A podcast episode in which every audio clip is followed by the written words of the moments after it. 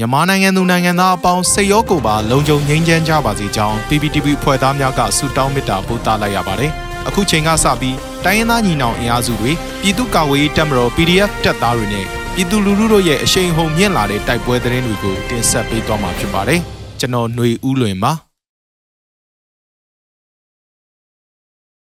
ပထမဆုံးအနေနဲ့ပလဲ MT ရွာရှိပြူစော်တီတင်တန်းကြောင်ဝင်ရောက်တိုက်ခိုက်ခံရကစစ်သားတို့တိတ်ဆုံးပြီးအများအပြားဒဏ်ရာရတဲ့သတင်းတင်ဆက်ပါမယ်။ စကိုင်းတိုင်းပလဲမြို့နယ် MT ကျေးရွာရှိပြူစော်တီတင်တန်းကြောင်ကို PRI ဥဆောင်သောမဟာမိတ်တပ်ဖွဲ့များက AB လ23ရက်နေ့3:30မိနစ်မှာဝင်ရောက်တိုက်ခိုက်ခဲ့ပြီးစစ်သားတို့တိတ်ဆုံးကအများအပြားထိခိုက်ဒဏ်ရာရရှိခဲ့ကြောင်း PRI တပ်ဖွဲ့ကပြောရေးဆိုခွင့်ရှိသူဗိုလ်ချပန်ကြီးကပြောဆိုပါတယ်။အဆိုပါပြူစော်တီတင်တန်းကြောင်ကိုပြည်သူ့တော်လှန်ရေးတပ်မတော် People Revolution Army PRA ပလဲပြည်သူ့ကာကွယ်ရေးတပ်ဖွဲ့ဌာနချုပ်အဖွဲ့ PPDG NVRF မြိုင်ယူ Revolution Guardia Ranger နဲ့ Local PDF များကပူးပေါင်းဝင်ရောက်တိုက်ခိုက်ခဲ့ခြင်းဖြစ်ကြောင်းသိရပါတယ်။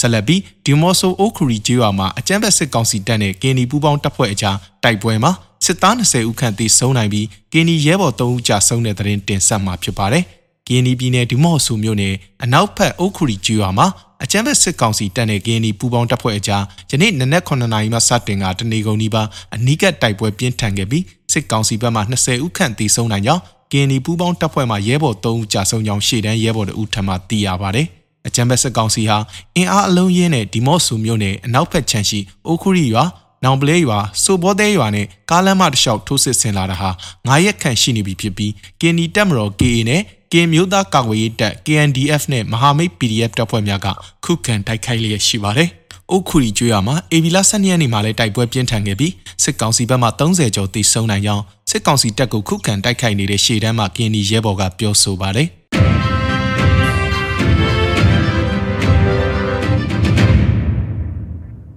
ဆလတင်ဆက်မှာကတော့ ကလေးမျိုးထွေအုပ်ရုံးနဲ့ဓာကဆထောက်ဖို့တံများအတွင်သို့လက်နက်ကြီးများနဲ့ VDF ကလေးပစ်ခတ်တိုက်ခိုက်လို့စစ်သားအနည်းဆုံး9ဦးသေဆုံးတဲ့တဲ့မှာ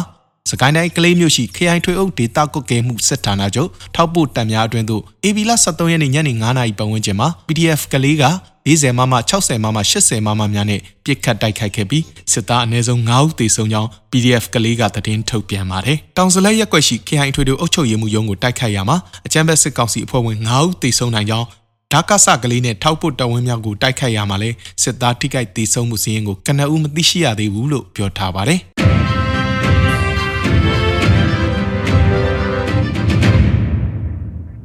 ကိုရောင်မိုးနဲ့မြို့လာတိုက်ပွဲများမှာစစ်သား6ဦးထပ်မံထိခိုက်ဒေဆုံးနိုင်တဲ့ဆိုတဲ့သတင်းတင်ဆက်ပါမယ်။ကချင်ပြည်နယ်ရွှေကူမြို့မှာ AR မြစ်အတိုင်းဆုံဆင်းလာတဲ့စစ်ကောင်စီစစ်တပ်လှေတစည်းကိုကချင်ဒေသ PDF မြို့လာတက်ခွဲ3ကစောင့်ကြိုပစ်ခတ်တိုက်ခတ်ခဲ့ရာစစ်ကောင်စီဘက်မှထိခိုက်ဒေဆုံးမှုရှိနိုင်ကြောင်းသိရပါတယ်။အဆိုပါဆက်လီတွင်တရင်မှုတဦးနဲ့စခန်းမှုတဦးလိုက်ပါလာပြီးအပြန်အလှန်ပစ်ခတ်မှု10မိနစ်ခန့်ဖြစ်ပွားခဲ့ကြောင်းမြို့လာ PDF ကသတင်းထုတ်ပြန်ပါတယ်။အလားတူစကိုင်းတိုင်းကပ်လူမြို့နယ်ကိုးတောင်ဘိုးရောင်မှာတက်ဆွဲထားတဲ့စစ်ကောင်စီတပ်ဖွဲ့ကိုကိုးတောင်ဘိုးတော်လန်ကြီးအင်အားစုကဒီနေ့မနက်3နာရီခွဲမှ4နာရီခွဲအထိတစ်ကြိမ်မွန်လွယ်3နာရီဝန်းကျင်မှတစ်ကြိမ်တိုက်ခိုက်ခဲ့ကြောင်းသတင်းရရှိပါတယ်။ စစ်ကောင်စီတပ်ဖွဲ့ဝင်များဟာမလကုံကစပြီးကိုးတောင်ဘိုကျေးရွာအတွင်ဝင်ရောက်တပ်ဆွဲထားကြောင်းနေ့စဉ်ရက်ဆက်တိုက်ပွဲဖြစ်ပွားနေတာ16ရက်ကြာမြင့်နေပြီဖြစ်ကြောင်းအေဗီလာ9ရက်နေ့တိုက်ခိုက်မှုမှာစစ်သား6ဦးသေဆုံးကြောင်းကိုးတောင်ဘိုတော်လှန်ရေးအင်အားစုကသတင်းထုတ်ပြန်ပါတယ်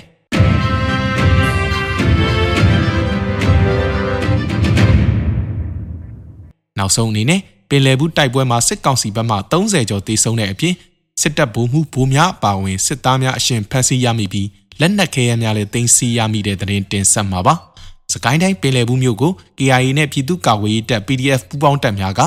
အေဘီလာဇန်ပိုင်းမှာဝင်ရောက်ထိန်းချုပ်ပြီးနောက်စစ်တပ်ကလေကြောင်းနဲ့အကြိမ်ရင်များစွာတိုက်ခိုက်ခဲ့တဲ့ပြင်ပြန်လည်ဆုတ်ခွာခဲ့ရကစစ်တပ်ဘက်မှ30ကျော်တိစုံကြောင်းဗိုလ်မှူးဗိုလ်များအပါအဝင်စစ်သားများအရှင်ဖမ်းမိမှုများရှိခဲ့ပြီးလက်နက်ခဲယမ်းများလည်းတင်ဆက်ရမိကြောင်းပင်လယ်ဘူး PDF သတင်းရင်းမြစ်ထံမှသိရပါတယ်။ မလ29ရက်နေ့မှာစတင်ပြီးစစ်ကောင်စီတပ်များကမြို့ပြင်ထွက်ပြီးထိုးစစ်ဆင်လာချိန်မှာ KIA နဲ့ PDF တပ်များကမြို့တွင်းကိုဝင်ရောက်ထိန်းချုပ်လိုက်ကြောင်း၎င်းနောက်မြို့တွင်းမှာတိုက်ပွဲအကြီးအကျယ်ဖြစ်ပွားပြီးစစ်တပ်ကလေကြောင်းတိုက်ခိုက်မှုအကြိမ်ရေများစွာလှုပ်ဆောင်ခဲ့ကြောင်း၎င်းနောက် AB လ10ရက်နေ့မှာပင်လယ်ဘူးမြို့ပေါ်မှာပြန်လည်ဆုတ်ခွာခဲ့ကြောင်း PDF သတင်းရင်းမြစ်ကပြောဆိုပါတယ်။တိုက်ပွဲမှာ PDF ဘက်ကလည်း9ယောက်ထပ်မံကြာဆုံးခဲ့တယ်လို့ဆိုပါတယ်။လက်ရှိမှာ KIA နဲ့ PDF တပ်များကမြို့ပြင်နေရာအများအပြားကိုထိန်းချုပ်ထားပြီး မြို့တွင်းမှာပင်စစ်တပ်ကပေါ်ဝတင်နဲ့တွာလာမှုမရှိတော့ကြောင်းညမကြမီတိုက်ပွဲများပြန်လည်ပြင်းထန်လာနိုင်ကြောင်းသိရပါတယ်။စစ်တပ်ရဲ့သတင်းထုတ်ပြန်ချက်မှာတော့အလောင်း12လောင်းနဲ့လက်နက်များသိမ်းဆည်းရမိတယ်လို့ထုတ်ပြန်ထားပြီးတိုက်ပွဲဟာမတ်လ29ရက်နေ့မှာအေဘီလ9ရက်နေ့အထိကြာမြင့်ကြောင်းသတင်းထုတ်ပြန်ထားပါတယ်။